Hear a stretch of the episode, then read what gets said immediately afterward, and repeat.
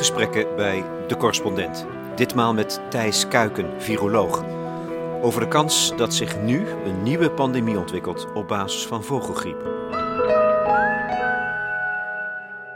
Wanneer je praat in de media en met, als, wanneer je praat met mensen die leek zijn, dan proberen dingen op een zo uh, duidelijke manier uit te leggen, waarbij je dan um, het risico loopt dat je de nuance kwijtraakt.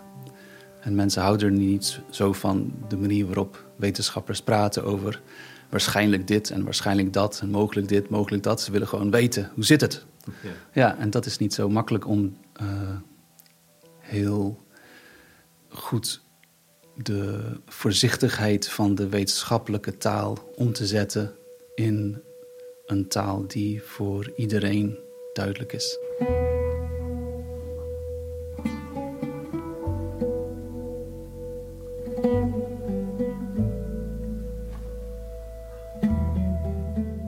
Hoe groot is de kans dat zich op zeer korte termijn een nieuwe pandemie ontwikkelt? Geen fijne vraag om te stellen in post-coronatijd. Maar virussen wachten niet, uit beleefdheid, tot de mensheid zich enigszins hersteld heeft. In oktober van het afgelopen jaar was er een uitbraak van vogelgriep op een nertsenfokkerij in het noordwesten van Spanje. hey, wat gebeurt daar? Een virus springt over van pluimvee naar zoogdieren. Voor de New York Times was het reden om alarm te slaan. Kop in de krant van 3 februari. An even deadlier pandemic could soon be here. Doe maar. Hoe omineus wil je het hebben?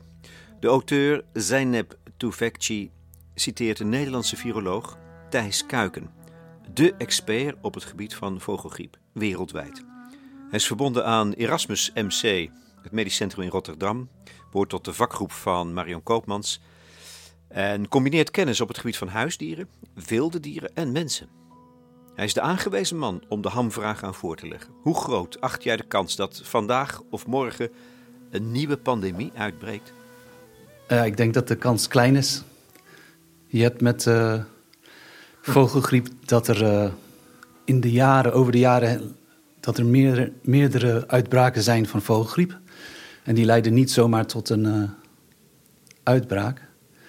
We hebben sporadisch uitbraken, dus zo gemakkelijk kan vogelgriep zich niet aanpassen aan de mens. De zorg die ik nu heb, is dat het zich meer en meer uitbreidt in de dierenwereld. En niet alleen in vogels, maar ook in zoogdieren. En dat daarmee die kleine kans wel telkens een stukje groter wordt. Dat is de zorg die ik heb. En dat is dus meer een angst die, zich, die gaat over de langere termijn? Dat is een angst die over de langere termijn werkt. Je weet nooit wanneer zo'n virus daadwerkelijk over zal springen. Dus je moet inderdaad op de langere termijn denken. En je moet niet alleen in kansen denken, maar ook in risico's. Dus de kans dat het gebeurt is klein, maar wordt telkens een stukje groter. Maar de impact van zo'n gebeurtenis is heel erg groot. Want als het inderdaad naar de mens overspringt en dan makkelijk van mens naar mens overgaat, dan krijgen we een nieuwe pandemie. En die kan over de hele wereld gaan, die zal over de hele wereld gaan. En we weten niet hoe ernstig die wordt. Hij kan zo mild zijn als de laatste grieppandemie die we gehad hebben in 2009. Of hij kan zo ernstig zijn als de pandemie die iedereen wel kent, de Spaanse griep van 1918. Dus uh, het risico van zo'n uitbraak is erg groot. En we moeten ons eigenlijk goed realiseren wat die risico is en daarnaar handelen. Ja, want ik neem aan, jij bent je ongetwijfeld als wetenschapper zeer bewust van je positie in, in, de, open, in de openbaarheid, hè, denk ik. Uh, uh, zeker na corona. Ik neem aan dat je geen onheilsprofeet wil zijn. Ik wil zeker geen onheilsprofeet zijn. Ik zeg ook dat de kans dat het ja, overslaat ja, ja, van dier naar mens klein is. Aan de andere kant, die kans is er wel. Uh, die kans wordt groter. En we hebben de mogelijkheden om daar iets tegen te doen, om die kans veel kleiner te maken. Ja, dus moet je het hebben over onheil, tegelijkertijd dus. Dus je moet mensen er wel op wijzen dat, dat het kan gebeuren en dat het dan een, eh, een groot probleem kan zijn. Terwijl jij werkt onder andere samen met, ehm, als het gaat over risicobeheersing, met de provincie Friesland, begrijp ik. En, en, en, dan, en dan, daar nemen ze jou heel serieus, want je werkt met ze samen. Ja, dat is heel leuk. Uh, ik heb uh, twee jaar geleden op een uh, toevallige manier ben ik in aanraking gekomen met de veiligheidsregio Friesland. Um, en zij wilden eigenlijk iemand hebben die deskundig was, die um, hen hun vragen kon beantwoorden tijdens hun besprekingen. Dus ik doe daar al sinds twee jaar aan mee, met elke twee weken, soms elke maand, een bespreking ehm, per teamsvergadering. En uh, daar luisteren ze heel goed naar mij. Um, aan de andere kant weet ik ook wel mijn plaats. Dus zij zijn degene die um, praktisch in het veld uh, dingen moeten doen, zoals uh, dode wilde vogels die verdacht zijn van vogelgriep opruimen, um, informatie geven in de krant of op de radio over vogelgriep. dus uh, zij hebben die taak. En mijn taak in die forum is eigenlijk uh, hun vraag te beantwoorden op een uh, um, zo duidelijk mogelijke manier. En wanneer ik vanuit mijn onderzoek of vanuit mijn bekijken van de situatie in Nederland en in de wereld, als ik bepaalde zorg heb, dan, dan laat ik hen dan weten van, hey, zou je daar niet iets mee doen? Bijvoorbeeld toen er veel vogelgriep was in wilde vogels tijdens de zomer, um, waar er veel plaatsen waar zowel wilde vogels waren, die soms besmet waren met vogelgriep, als mensen die in het water zwommen of uh, kanoeden.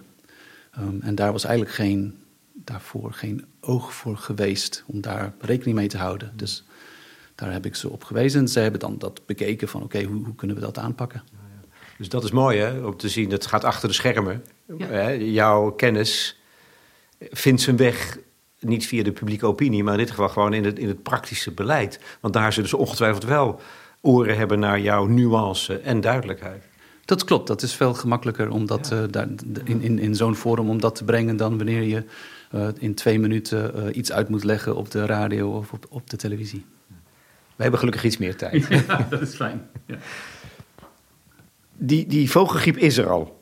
Er zijn meerdere uitbraken geweest. Daar ben je ook bij betrokken geweest als wetenschapper. Um, wat, wat, is de stand van zaken nu?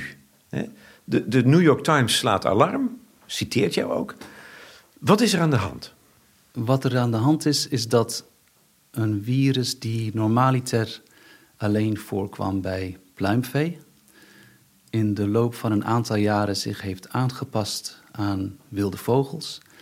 En in 2021 voor het eerst het hele jaar door in wilde vogels aanwezig was in Europa, waarmee de epidemiologische situatie, zeg maar de verspreiding van het virus in de natuur, opeens heel anders was.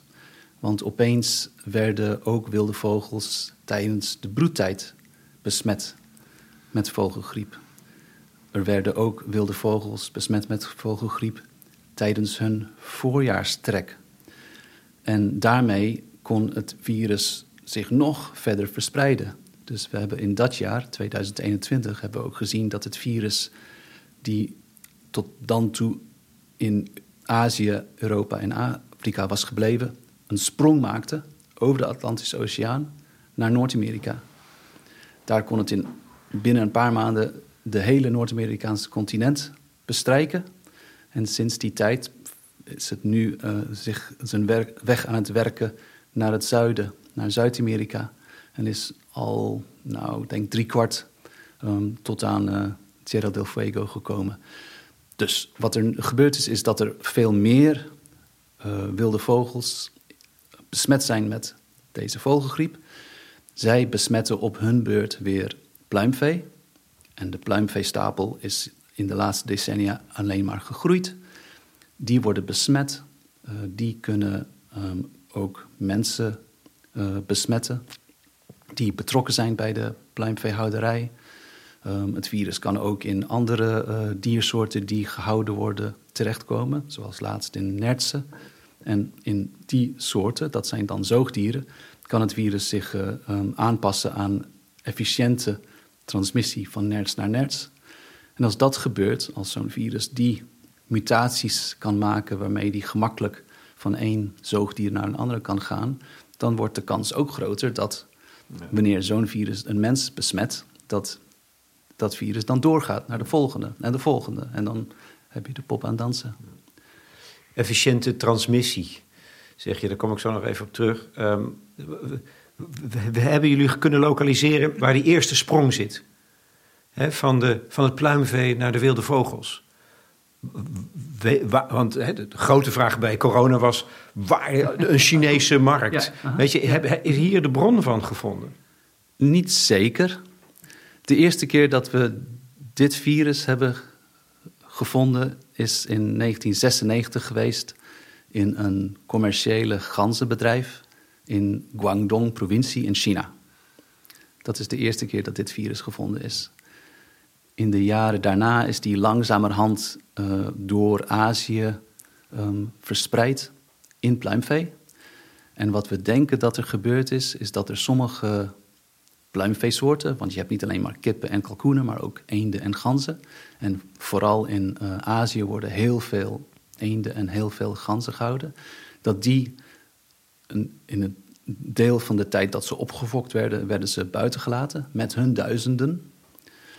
En dat ze in die situatie, uh, wanneer ze besmet waren, dat ze ook het virus konden overdragen aan wilde vogels. Wilde vogels hebben hun eigen niet ziekmakende vogelgriepvirussen. Die virussen kunnen zich met elkaar vermengen en krijgen nieuwe varianten. En als je dat maar voldoende keren laat gebeuren, dan heb je een soort mengvat um, tussen wilde vogels en um, pluimvee, eenden en ganzen, uh, waaruit dan een virus kan ontstaan die uh, wonder boven wonder ziekmakend is, eigenlijk van pluimvee is, maar toch in wilde vogels kan verspreiden. En dat is toen gebeurd. In 2005 hebben we voor het eerst gezien dat het virus in een paar maanden enkele duizenden kilometers verplaatst werd en dat het in Europa terecht kwam. Nou, mensen geloofden het niet dat het via wilde vogels kon, kon, kon gaan, want de, de um, uitspraak was toen: sick birds don't fly. Ja, ja, ja. En het klopt inderdaad, sick birds don't fly. Maar wanneer je um, tien uh, wilde watervogels besmet met dit virus, zijn er misschien drie die er ziek van worden. Maar de andere zeven, die worden er niet ziek van. En die kunnen het wel verplaatsen. En we hebben in de jaren daarna, konden we ook op verschillende manieren konden we vaststellen, door middel van epidemiologisch onderzoek, door middel van genetisch onderzoek, dat het inderdaad via wilde vogels hier naartoe getrokken was. Dus waar precies, dat weten we niet. Uh, maar ergens in Azië, uh, in de omstandigheid van een, een uh, eenden- of ganzenhouderij, bijvoorbeeld in de rijstvelden, dat er daar overdracht is geweest van, van pluimvee naar wilde vogels. Dat is één stap, hè? Dan is hè, je zei het net al over die andere stap. Dan gaat het ook in de Nertsen in Spanje, volgens mij met name, is een grote uitbraak geweest in onder Nertsen. Dat is de tweede stap naar zoogdieren. Efficiënte transmissie, dat is een vergelijkbaar proces. dat het ene virus met een ene stam zich verbindt met een virus van een andere aard.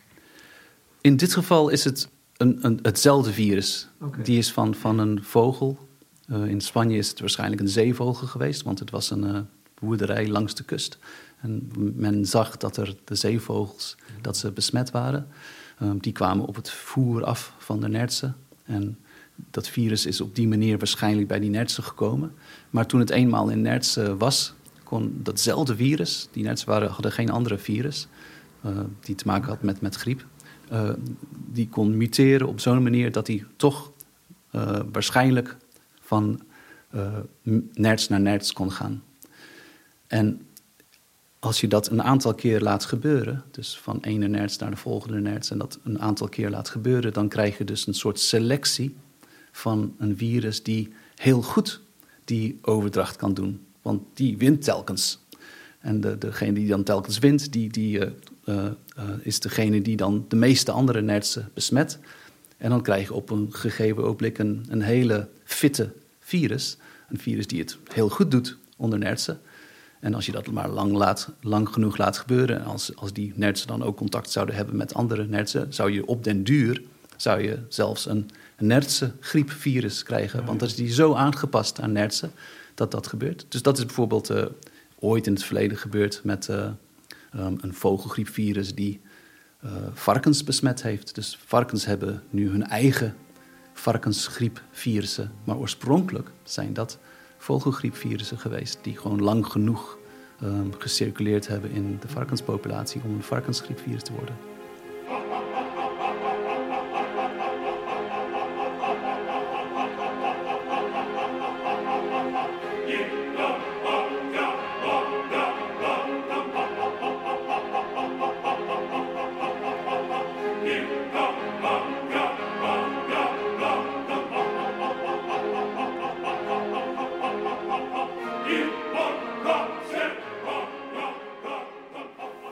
De fatale sprong zou zijn van, in dit geval, nertsen naar de mens. Wat ik begrepen heb, is dat het virus in de lagere luchtwegen zit. Dus ook van die dieren neem ik aan. Waardoor het juist minder goed verspreidt. Hoe kan het dan dus opeens in die netsen wel uh, uh, razendsnel zich versneld zijn gaan verspreiden? Ja, het klopt uh, wat je zegt. Vogelgriepvirus in de luchtwegen van de mens, die heeft een voorkeur voor de, de longen.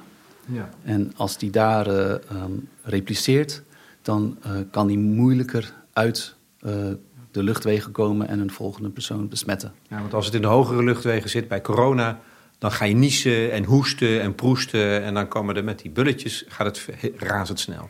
Ja, en je hoeft niet eens aan, aan corona te denken. Je kunt ook gewoon een seizoensgriepvirus nemen. En we weten van uh, onze humane griepvirus dat die zich voornamelijk in de bovenste luchtwegen uh, repliceert. En dat er ook receptoren zijn voor het virus in de bovenste luchtwegen waar die seizoensgriepvirus een voorkeur voor heeft.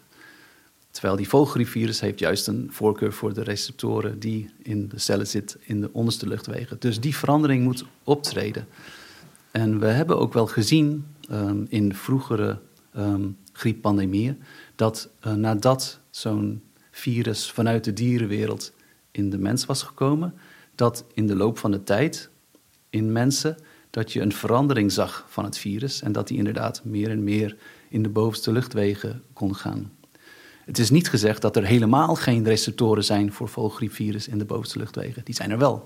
Als je kijkt naar je reukepitheel, en wij kunnen ruiken via een, een stukje uh, epitheel in onze neus. Epitheel? Epitheel, uh, slijmvlies. Ja, okay. ja een, een, stukje, uh, een deel van onze slijmvlies uh, waarmee we ruiken, die heeft wel receptoren voor vogelgriepvirus. En op die manier kan het virus wel in de bovenste luchtwegen repliceren.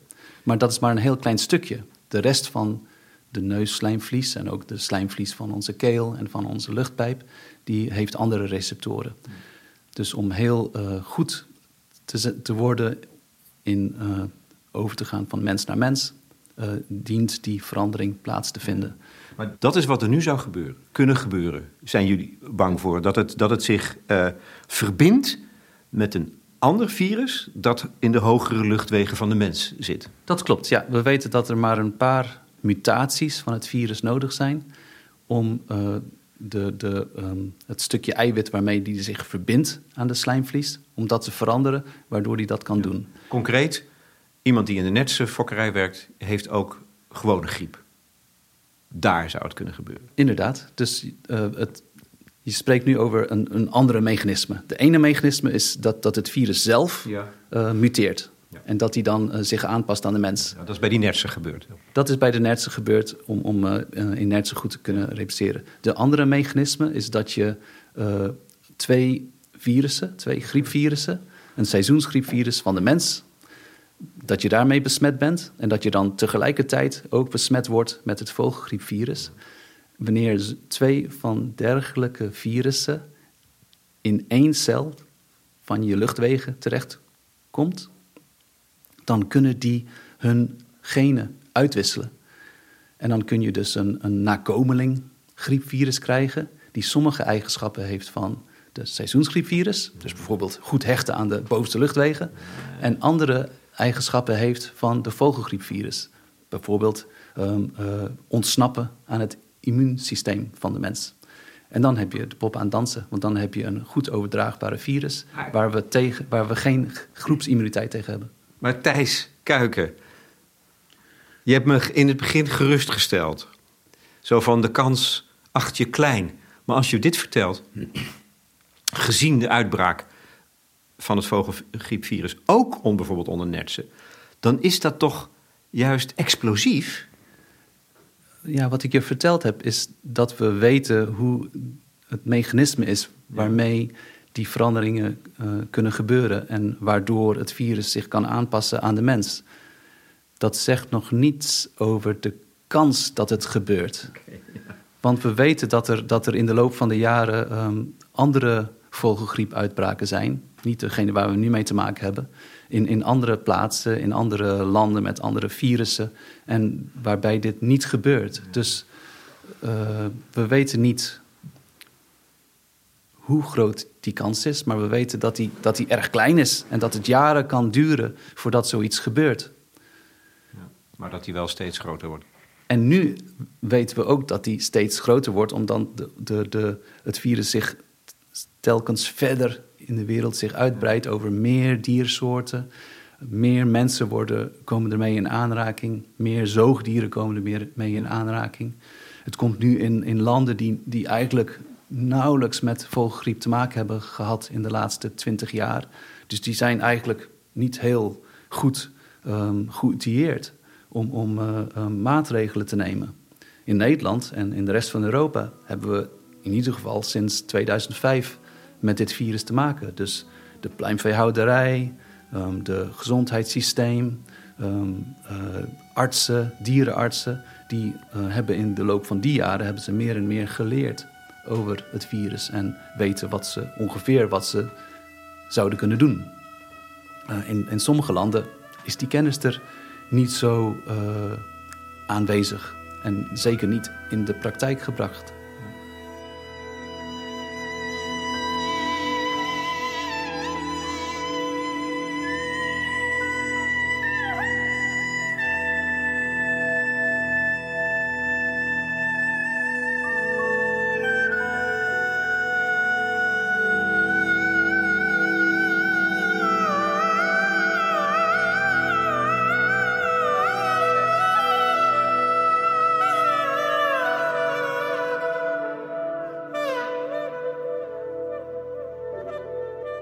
Voordat we het hebben in tweede instantie over wat er nu zou moeten gebeuren, hè, gezien de situatie. Even terug naar die, die wilde vogels. Die geraakt zijn ergens, uh, een aantal jaar geleden. Uh, hoe erg is dat eigenlijk? Je kunt ook zeggen, nou ja, we zien het niet, of we zien het nauwelijks, tenzij er een foto in de krant staat. Uh, en het zijn maar wilde vogels.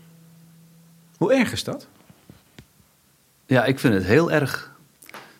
Het is een, uh, een, een virus die eigenlijk door menselijke activiteiten is gemaakt, die in de wilde vogels terechtkomt en daar hoge sterfte veroorzaakt.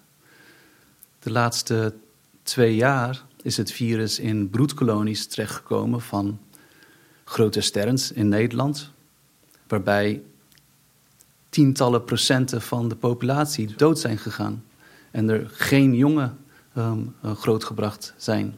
Het is terechtgekomen in uh, een, een, kolonie van 150.000 Jan van Genten op Bass Rock, langs de kust van het Verenigd Koninkrijk, waarbij er zoveel Jan van Genten in het water terechtkomen dat mensen spraken over uh, gannetsoep en waarbij mensen uh, die vluchten maakten over de Noordzee, om, eigenlijk om bruinvissen te tellen, dat ze gewoon uh, om de zoveel meter een witte lijk in het water vonden van een Jan van Gent.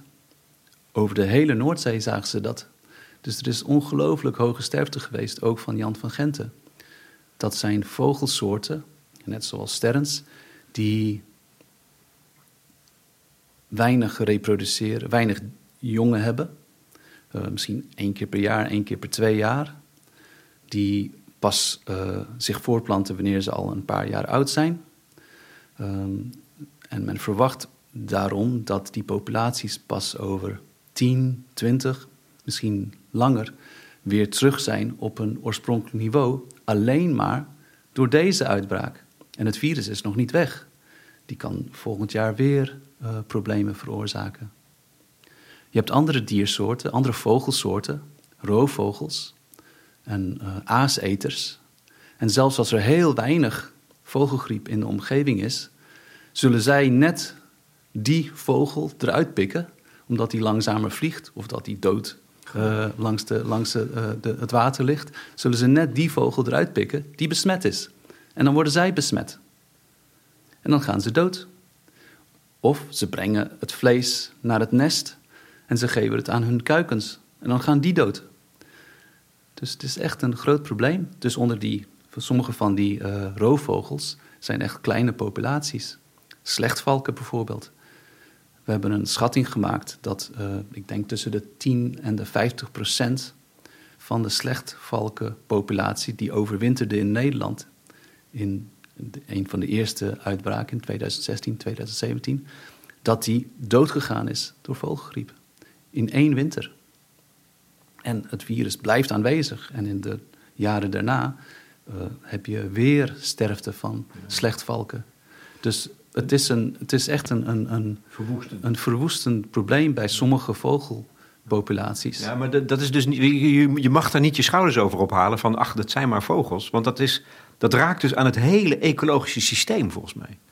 Ja, we raken ons er meer en meer van bewust als je niet naar vogelgriep alleen kijkt, maar naar de situatie meer wereldwijd. Dat wij als mensen onderdeel zijn van de natuur. En het is voor ons van belang dat die natuur een goede staat heeft. En een van de manieren om daarvoor te zorgen zou eigenlijk zijn dat we ook meer respect hebben voor de natuur en dat we ook proberen om andere levende wezens, wilde vogels bijvoorbeeld, een, een, een plaats te laten hebben op de wereld. Nou, je kunt het in die, die zin ook als een boodschap zien of als een metafoor. De kans dat het uiteindelijk de mens raakt, wordt daarmee steeds groter. Dus we kunnen niet doen alsof, het ons, alsof wij uh, onaantastbaar zijn in dit geval. Ja. En even voor alle duidelijkheid, uh, Thijs, sorry hoor. Als het de mens raakt, voor zover het eh, de mens heeft geraakt, dan is het ook echt heel erg sterfelijk. Hè? Ja, dat dat zou kunnen. Dus we weten niet hoeveel mensen eraan zullen sterven wanneer het een, een uh, pandemie wordt. Het kan uh, een, een, milde variant zijn of het kan iets ernstiger zijn. Het zal zeker hogere sterfte geven dan onze jaarlijkse uh, grieppandemie. Um, maar het, het, we weten niet hoe ernstig het zal zijn. Ik las ergens het getal 56% van de mensen die het krijgen gaan dood. Het klopt dat. De klas het volgens mij in de New York Times. Ja, dat, dat, dat, is, dat, dat, dat is correct. Um, dus nu heb je het over het virus dat, dat uh, van, van uh, een besmette kip naar een mens overgaat. En inderdaad, van de, er zijn uh, in totaal tot nu toe 950 gevallen bekend. waarmee, waarbij mensen zijn besmet met vogelgriep van deze subtype, H5. En daarbij, daarvan zijn uh, ongeveer de helft zijn overleden. Ja. Um, maar dat is niet noodzakelijkerwijs hetzelfde virus dat zich um, na aanpassing aan de mens uh, zal circuleren. Nee, het kan ook nog hoger zijn, denk ik dan. Uh, dat zou kunnen, maar dan maakt het virus niet zo goede kans om wereldwijd te verspreiden. Het virus zal meer kans maken om wereldwijd te verspreiden wanneer het een, een uh, niet zo ziekmakend is. Want dat betekent dat wanneer mensen uh, nog geen verschijnselen hebben of nog lichte verschijnselen hebben, dat ze zich toch onder andere mensen begeven, waardoor het virus zich kan verspreiden. Dus ook dat is een soort balans. Maar eh, het zou een aperte vergissing voor de mens zijn om te denken van, nou ja, het probleem zit nu bij de vogels. Amoreel is dat onverantwoord, maar het is ook heel erg onverstandig. Dat is zeker onverstandig. Ja. Maar verder gaat het je ook heel erg aan het hart, volgens mij. Ja, het gaat me aan het hart omdat ik uh, um, uh, veel om dieren geef. Wilde dieren, maar ook uh, huisdieren.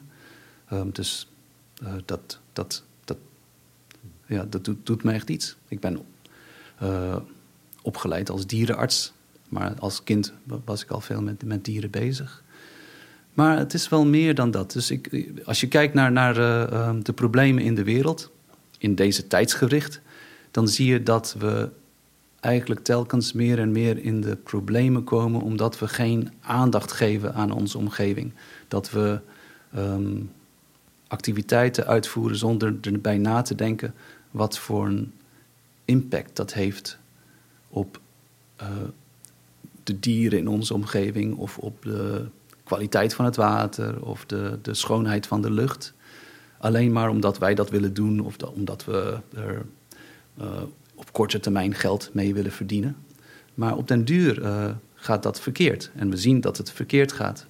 Met klimaatopwarming zie je dat het verkeerd gaat. Maar je ziet dat het verkeerd gaat met uh, vervuiling van het water. je ziet dat het verkeerd gaat met hele grote biodiversiteitsverlies. Waardoor bepaalde ecosysteemdiensten die wilde uh, dieren hebben, wilde planten hebben, niet meer geleverd worden. Dus uh, water wordt niet zeer, zo goed schoongemaakt in een, een, een uh, maar ten dele functionerende ecosysteem. Um, fruitbomen worden niet bevrucht als er geen um, bijen zijn of andere insecten die ze bevruchten. Dus voor ons zelf is het ook belangrijk, voor onze eigen bestaan, is het belangrijk dat we aandacht geven aan onze omgeving, aan de natuur. Uh, en dat we ook uh, proberen om er goed mee om te gaan. Dat is één, dringend appel. Twee, als het gaat, als je nu weet wat de situatie is, waar we zitten ongeveer, als het gaat om dit,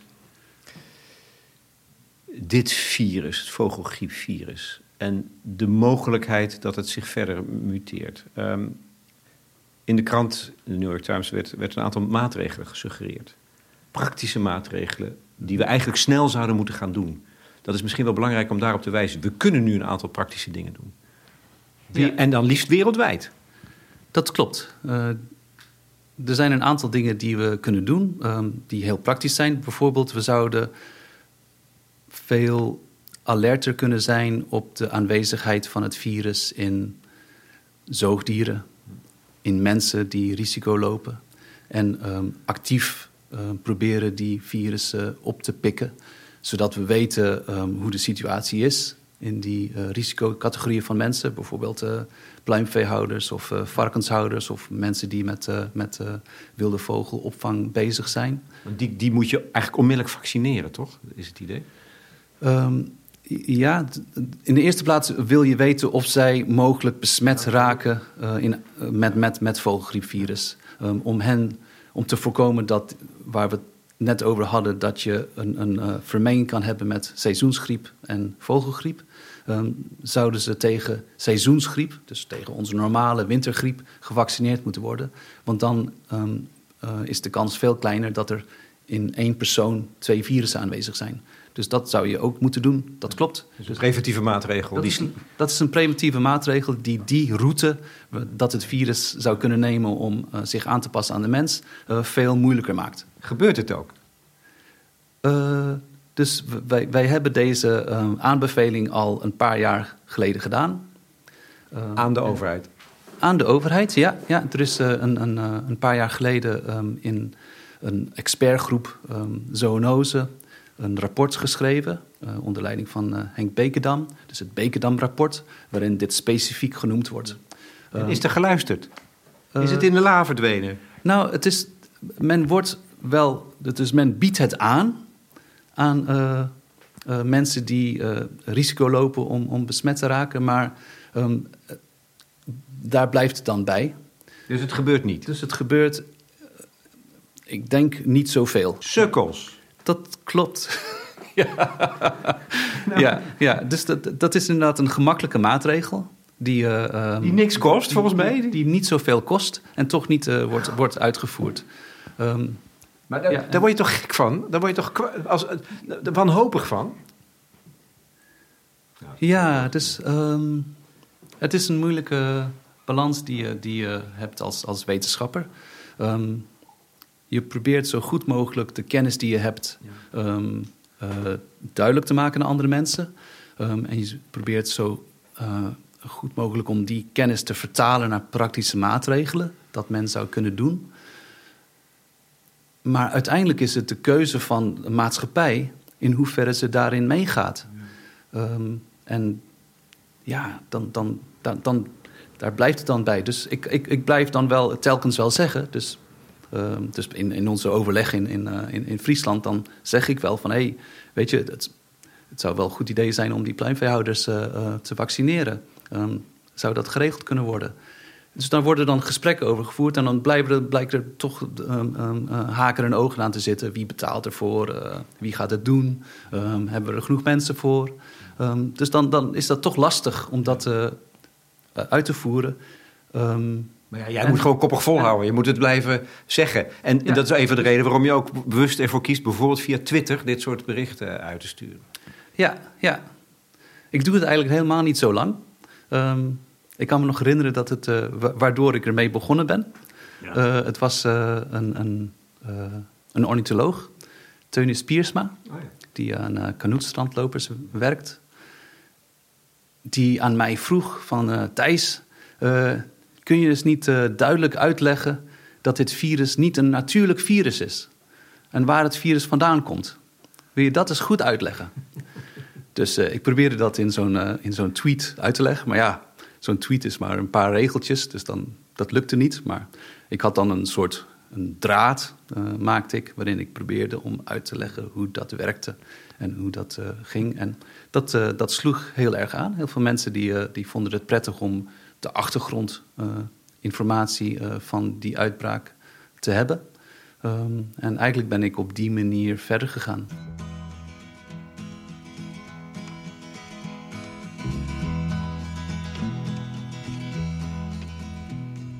Twas in another lifetime, one of toil and blood.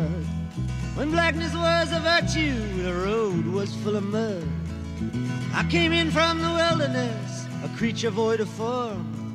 Come in, she said, I'll give you shelter from the storm.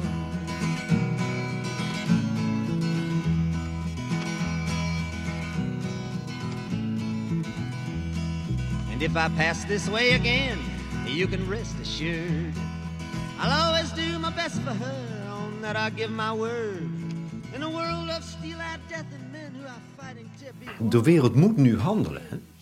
En dit is een voorbeeld van iets wat je concreet kunt doen. Zijn er meer dingen die we nu in jouw ogen zouden, onmiddellijk zouden moeten gaan uitvoeren? Ja, er zijn een, een aantal dingen.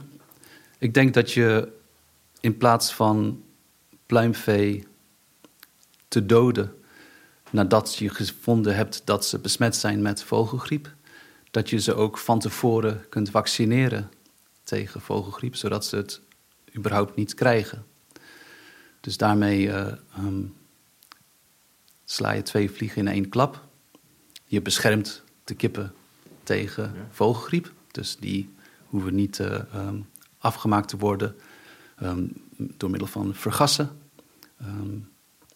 en in de tweede plaats uh, beperk je de kans dat de mensen die betrokken zijn bij het doden van die kippen en het opruimen van de, de karkassen van die kippen op zo'n bedrijf, dat die besmet raken met het virus. En dan is de vraag weer. Dit klinkt als heel verstandig, maar het gaat om alle pluimvee, uh, pluimveeboerderijen zou moeten. Ja, het, zijn, het is dus waar we in de meeste landen van de wereld heb je voornamelijk met kippen te maken. Uh, in sommige landen zijn er meer kalkoenen. Uh, in, in sommige delen van de wereld meer ganzen en, en eenden. Maar kippen is het, is het de belangrijkste pluimveesoort. Uh, waarom wordt het niet gedaan? Ik denk dat de belangrijkste reden dat het niet gedaan wordt, is omdat het um, handelsbelangen um, aantast. Dus in landen waar er pluimvee, vlees of eieren geëxporteerd worden, dan uh, zijn er afspraken met uh, het buitenland en men wil liever geen um, producten hebben van gevaccineerd of tegen vogelgriep gevaccineerde dieren hebben. Tegen andere virusziektes zoals uh, Newcastle disease worden ze wel gevaccineerd zonder problemen. De mens is gek, denk ik wel eens. Uh, ja. Toch? Nee, maar dit is, dit is ja. niet meer rationeel. Het is rationeel volgens bepaalde ratio.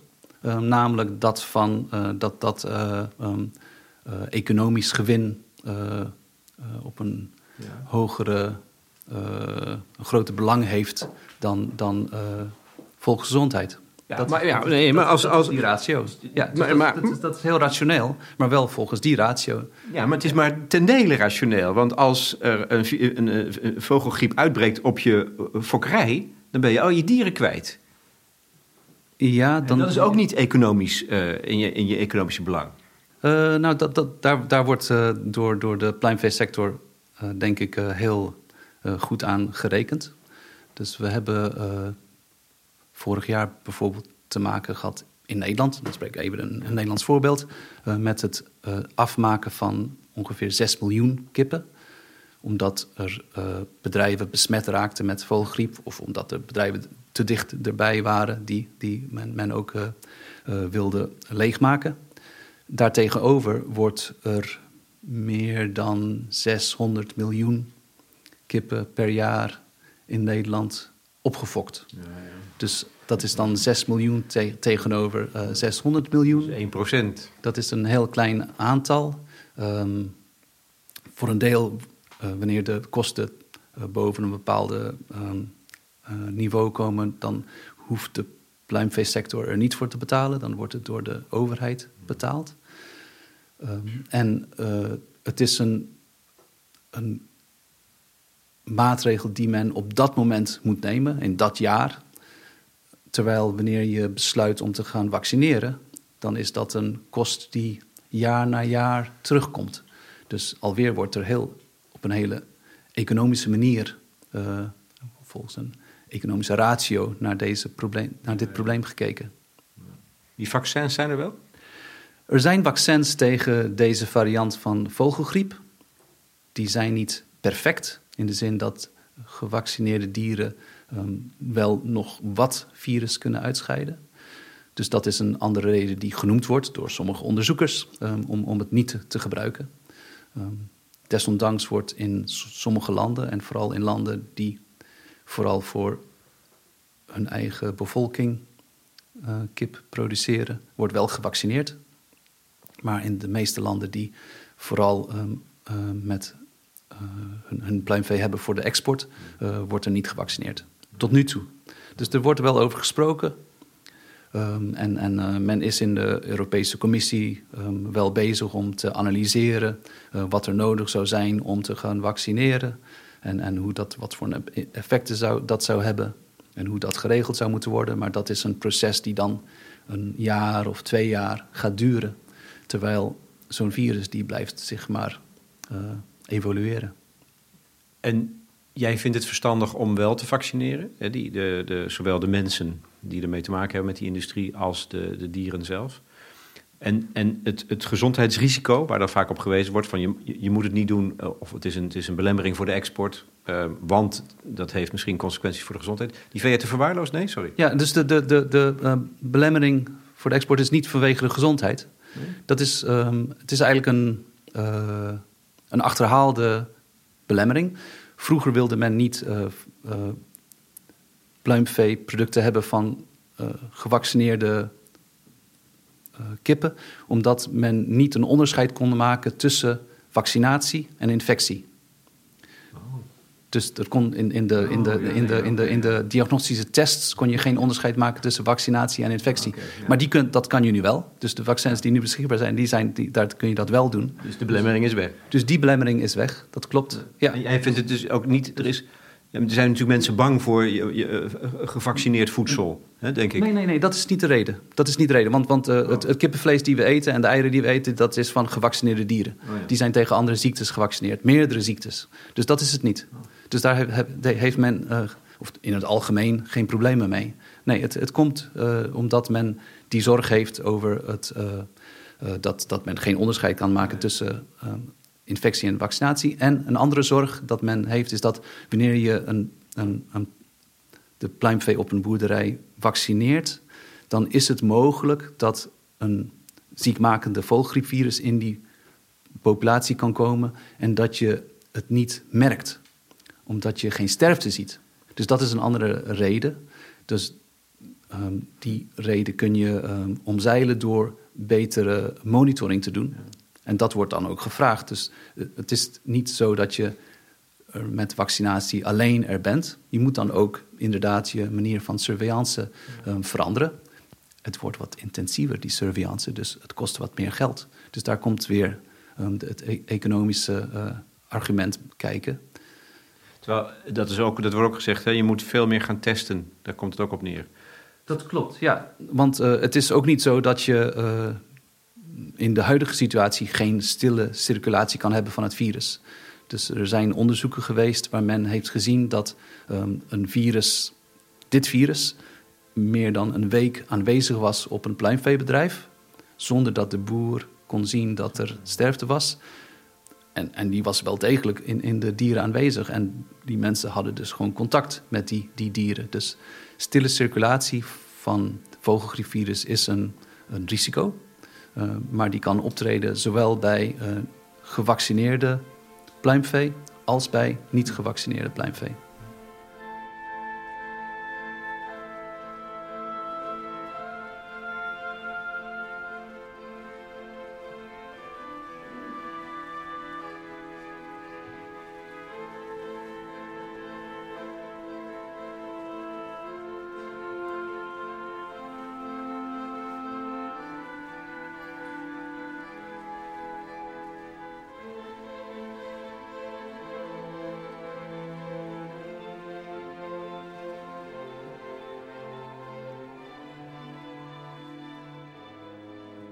De Wereldgezondheidsorganisatie die ehm, houdt dit virus in de gaten.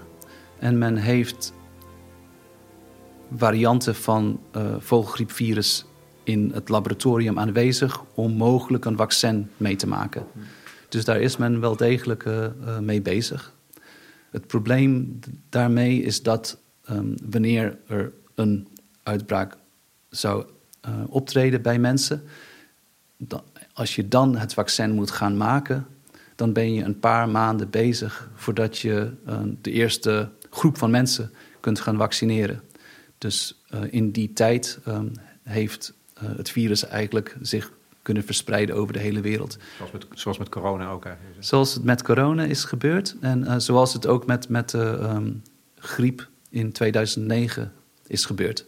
Toen hebben we ook een uitbraak gehad van een nieuwe virus in de humane populatie.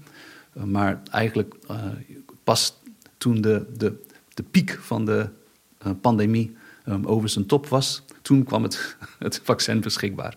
Dus toen was de grootste sterfte en de grootste economische schade was al geleden. Is het zinloos om het te proberen, om al een vaccin te maken voordat er een uitbraak is? Kan, kan dat niet? Want je weet niet hoe, in welke richting het muteert. Je weet niet welke richting het muteert. Nee, en het, je, weet niet of het morgen kan, gaat gebeuren of dat het uh, over twee jaar gaat gebeuren. Dus uh, je maakt wel heel veel kosten um, door zo'n vaccin te maken, terwijl je um, geen enkele zekerheid hebt dat het de juiste vaccin zal zijn. We praten nu, Thijs Kuiken, over praktische dingen die we kunnen doen, die niet veel kosten. Maar er zit natuurlijk iets anders achter, denk ik. En dat is een veel groter probleem. De manier, de, de manier waarop de industrie werkt. Is dat niet een veel grotere zorg? Ja, de, de intensieve pluimveehouderij uh, is een, uh, een probleem. Ehm, ik, ik uh, beschouw het eigenlijk als een, een soort veelkoppige monster. Um, en en de risico op vogelgriep is een van die koppen. Ja. Maar er zijn ook andere um, problemen. Als je in de buurt woont van intensieve pleinveehouderij, dan heb je last van geur en je hebt last van fijnstof. Dus voor de volksgezondheid is dat niet goed. Um, in de buurt van intensieve pleinveehouderij is er ook verontreiniging van water, van um, de grond. Dus dat zijn, dat zijn lokale problemen. Um, als je meer wereldwijd kijkt, dan draagt het bij aan klimaatopwarming. Dus de Nederlandse pleinveehouderij die um, stoot evenveel broeikasgassen uit als de mensen van de stad Rotterdam. En daarnaast uh, wordt er heel veel grondstoffen voor veevoer van overzee uh, gehaald. Onder andere um, uit Zuid-Amerika, soja. En de oppervlakgrond uh, die nodig is om al dat veevoer te maken, is ongeveer een kwart van heel Nederland. En dat is dan alleen maar voor de, de pluimvee in Nederland. Opdat wij vlees kunnen eten?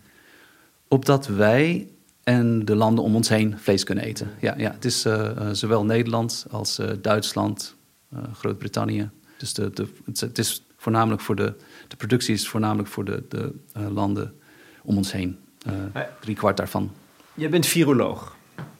En met een wereldwijde reputatie. Is dan jouw tegenstander, ik wil niet zeggen vijand, maar tegenstander, die intensieve pluimveehouderij? Ik denk dat de, pluimveehouderij in deze toestand wel een, uh, een probleem is. Ja, dus hij, hij is veel te groot geworden voor uh, het voortbestaan van mensen op deze wereld. Op deze manier moet je niet uh, vee houden op de lange duur. Het heeft veel te veel schade op allerlei manieren. Voor biodiversiteit, voor klimaat, risico op infecties voor dieren en voor mensen infecties ook voor wilde dieren. Dus er zijn een aantal uh, ziektes die ook uh, wilde dieren aantasten, zoals vogelgriep, maar ook Afrikaanse varkenspest. Um, er zijn andere infecties die, die, die problemen hebben gegeven. Ja, dus um, wanneer je leest wat ze in de rapporten van de IPCC schrijven over klimaat, als je leest wat ze in de rapporten van IPBES schrijven over biodiversiteit, dan zijn de conclusies, waar overigens de Nederlandse overheid ook uh, geaccordeerd heeft, die zijn dat we um, de intensieve veehouderij moeten matigen. Dus dat is niet alleen de pluimveehouderij, maar ook houderij van rundvee, van varkens. Matigen? Heb je daar heb je een inschatting van hoe ver het teruggebracht zou moeten worden? om het zinvol te laten zijn? Nee, daar heb ik niet een, een precieze uh, percentage bij. Nee, dat hangt er vanaf uh, waar je in de wereld bent. Ja. Um, maar in Nederland dan? In Nederland? Nee, ook daar. Um... Ja, of, of, durf je het niet te zeggen? Is dat, nou. gaan daar te veel, weet je dat er zoveel belangen spelen dat je jezelf niet onmogelijk wil maken in die wereld? Nee, het is, het is meer dat je. Um, het is een, het is een uh, balans tussen wat je als wetenschapper kan zeggen over verschillende aspecten van de veehouderij. Dus dat gaat om uh, um, broeikasgasuitstoot, het gaat om risico van, van ziekte en over wat de maatschappij acceptabel vindt. Dus ik kan niet uh, als wetenschapper zeggen van dit vindt de maatschappij acceptabel. Dat is aan de maatschappij, niet aan mij. Ik kan alleen maar zeggen van uh, als je dit zoveel terugbrengt, dan heb je zoveel minder broeikasgasuitstoot of zoveel minder um, uh, fijnstofuitstoot. Um, de, de, het risico op uh, infectieziekten is veel moeilijker te kwantificeren. Want het is sowieso een kleine kans. Dus hoeveel kleiner het wordt wanneer je um, de, de pluimveestapel of een andere veestapel kleiner maakt, is moeilijk te kwantificeren. Maar het is noodzakelijk. Het is noodzakelijk als we op een duurzame manier uh, willen leven en onze aarde aan onze nakomelingen willen doorgeven. Jij sprak een paar dagen geleden met een commissie van de Tweede Kamer. Hè? als lid van IPPES, zo noem je het geloof ik. Ik ga spreken Oh. in de Tweede Kamer eh, als, als eh, lid van IPPES. Ja, ik ben eh, ehm, uitgenodigd door de ehm, vaste commissie Internationale Klimaatstrategie om te praten over de relatie tussen gezondheid en klimaat. Ja, ja. En daar valt dit niet onder. hè? Dat is een eigenlijk een andere expertise. Of, of, of reken je dat... Want het is wel interessant dat je dus rechtstreeks met de politiek praat dan in dat verband. Dat klopt, ja. Dus infectieziekten zijn wel een onderdeel van gezondheid. Dus in die zin eh, ehm, eh, heb ik daar hele directe expertise van. Maar omdat ik eh, ehm, ook door de overheid ben gekozen om IPBES te vertegenwoordigen. Of, dat gaat over eh, ehm, de, de relatie tussen gezondheid, voedsel, water, klimaat en biodiversiteit. Ehm, heb ik me in de laatste twee jaar heel veel op dit gebied ingelezen. Dus ik voel me wel op mijn gemak om daar een oordeel over te vellen. Meer in het algemeen dan alleen maar over vogelgriep of alleen maar over infectieziekten. Ja. En het hangt allemaal samen. Hè? Dat, is, dat, is, dat is evident dan. Je, je kan niet meer in je eigen vakgebiedje alleen maar blijven ploeteren. Dat klopt. Dat, dat maakt het ook super interessant. Om, om, om eigenlijk de verbanden tussen ehm, eh, veehouderij en voedselproductie en eh, klimaatopwarming en biodiversiteitsverlies, om dat samen te eh, onderzoeken en om te kijken op welke manier we onze manier van leven zo kunnen veranderen dat we zowel het een als het andere kunnen verbeteren. Dat is echt een. Het is eigenlijk heel mooi werk. IPES, waar staat dat voor? IPBES is Intergovernmental Panel for Biodiversity and Ecosystem Services. Dus het, gaat, het is eigenlijk een broertje van de IPCC. Uh, maar die gaat niet over klimaat, maar over de uh, toestand van de natuur. Ga jij nou straks bij die Tweede Kamercommissie Internationale Klimaatstrategie... ga je nou gewoon keihard met je vuist op tafel slaan? Wil je me dat beloven? nee, ik ga niet met mijn vuist op tafel slaan. Um, ik ga wel heel duidelijk maken dat um, we, behalve door technologische aanpassingen, dat we ook onze eigen manier van leven iets uh, rustiger aan moeten doen, opdat mensen in lage loonlanden uh, zich meer kunnen ontwikkelen. Dat is denk ik een hele belangrijke boodschap die ik wil uh, brengen voor de Tweede Kamer. En waarom, want dat nu introduceer je dat element van waarom juist de lage lonenlanden? De, omdat de, de lage lonenlanden, um, daar wonen dus mensen, het grootste aantal mensen die heel arm zijn. En het zijn vooral de arme mensen die het meest te lijden hebben van klimaatverandering. Zij zijn eigenlijk heel erg um, gevoelig daarvoor. Zij, kunnen, zij hebben geen weerstand als er een probleem is, als er een overstroming is, als er een, uh, een hittegolf is. Dan hebben zij heel weinig te makken om daar iets tegen te doen. Ja, en het is net als met die wilde vogels. Hè? Je kunt wel zeggen, ja, dat zijn de wilde vogels, daar hebben we niks mee te maken. Zou je hier ook van kunnen zeggen, ach, het zijn mensen ver weg in lage lonenlanden. Maar het, ook dit is een systeem waarbij het zal ons ook raken. Het zal ons zeker raken um, als de klimaatopwarming um, zo doorgaat zoals die nu gaat, met de maatregelen die we nu beloofd hebben, dan zal een groot deel van Afrika niet langer bewoonbaar zijn voor mensen. Dus dan zal de migratiestroom van mensen sterk toenemen. En daar hebben we zeker mee te maken in de toekomst. En dit nog helemaal los van medemenselijkheid of mededierlijkheid natuurlijk. Hè? Ja, dat klopt. Ja. Sla dan met die vuist op tafel. ja. Ik weet niet of dat het beste werkt. Dus uh, uh, er zijn verschillende mensen hebben verschillende functies. Um, ik, mijn, ik, ik, zie als mijn taak in uh, zo'n forum om met feitelijke argumenten um, aan te geven waarom we een bepaalde richting uit zouden kunnen gaan. Nuance en duidelijkheid. Dat is meer jouw instrument. Die heb je nu ja. ook volgens mij geboden. En ja, dat vind ik heel geweldig. Dank je wel. Ja, graag gedaan.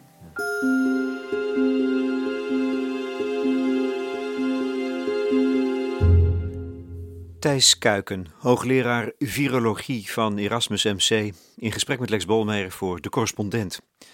Er kan over deze kwestie doorgepraat worden op ons platform. Voor vragen en commentaar is er de bijdragesectie.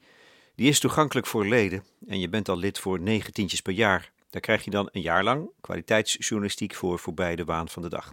Belangrijkste vraag in deze Welke maatregelen vinden jullie dat er genomen moet worden om een nieuwe pandemie te voorkomen? Wat vinden jullie acceptabel? Wat de muziek betreft, ik gebruikte good old Bob Dylan, Shelter from the Storm, Birds Requiem van Dafer Youssef en fragmenten uit de opera Satyagraha van Philip Glass. Dat begrip betekent het zoeken en vasthouden van de waarheid. Het werd door Gandhi gebruikt voor zijn strategie van geweldloos verzet.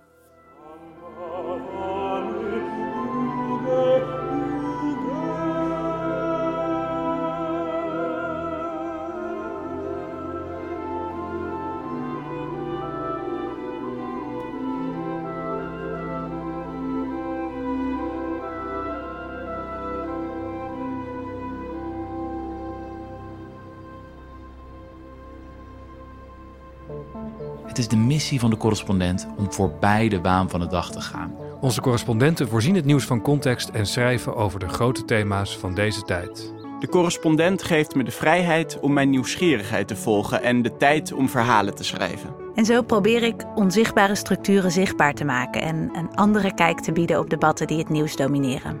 Dan gaat het minder over het spelletje en veel meer over wat er op het spel staat. Vanaf dag 1 zijn onze artikelen, boeken en podcasts gefinancierd door onze leden. Volg ons op onze journalistieke zoektocht. Overweeg eens lid te worden van de correspondent. En maak daarmee samen met ruim 70.000 anderen onze onafhankelijke journalistiek mogelijk. Dus word lid van de correspondent. Ja. Word lid. Word lid.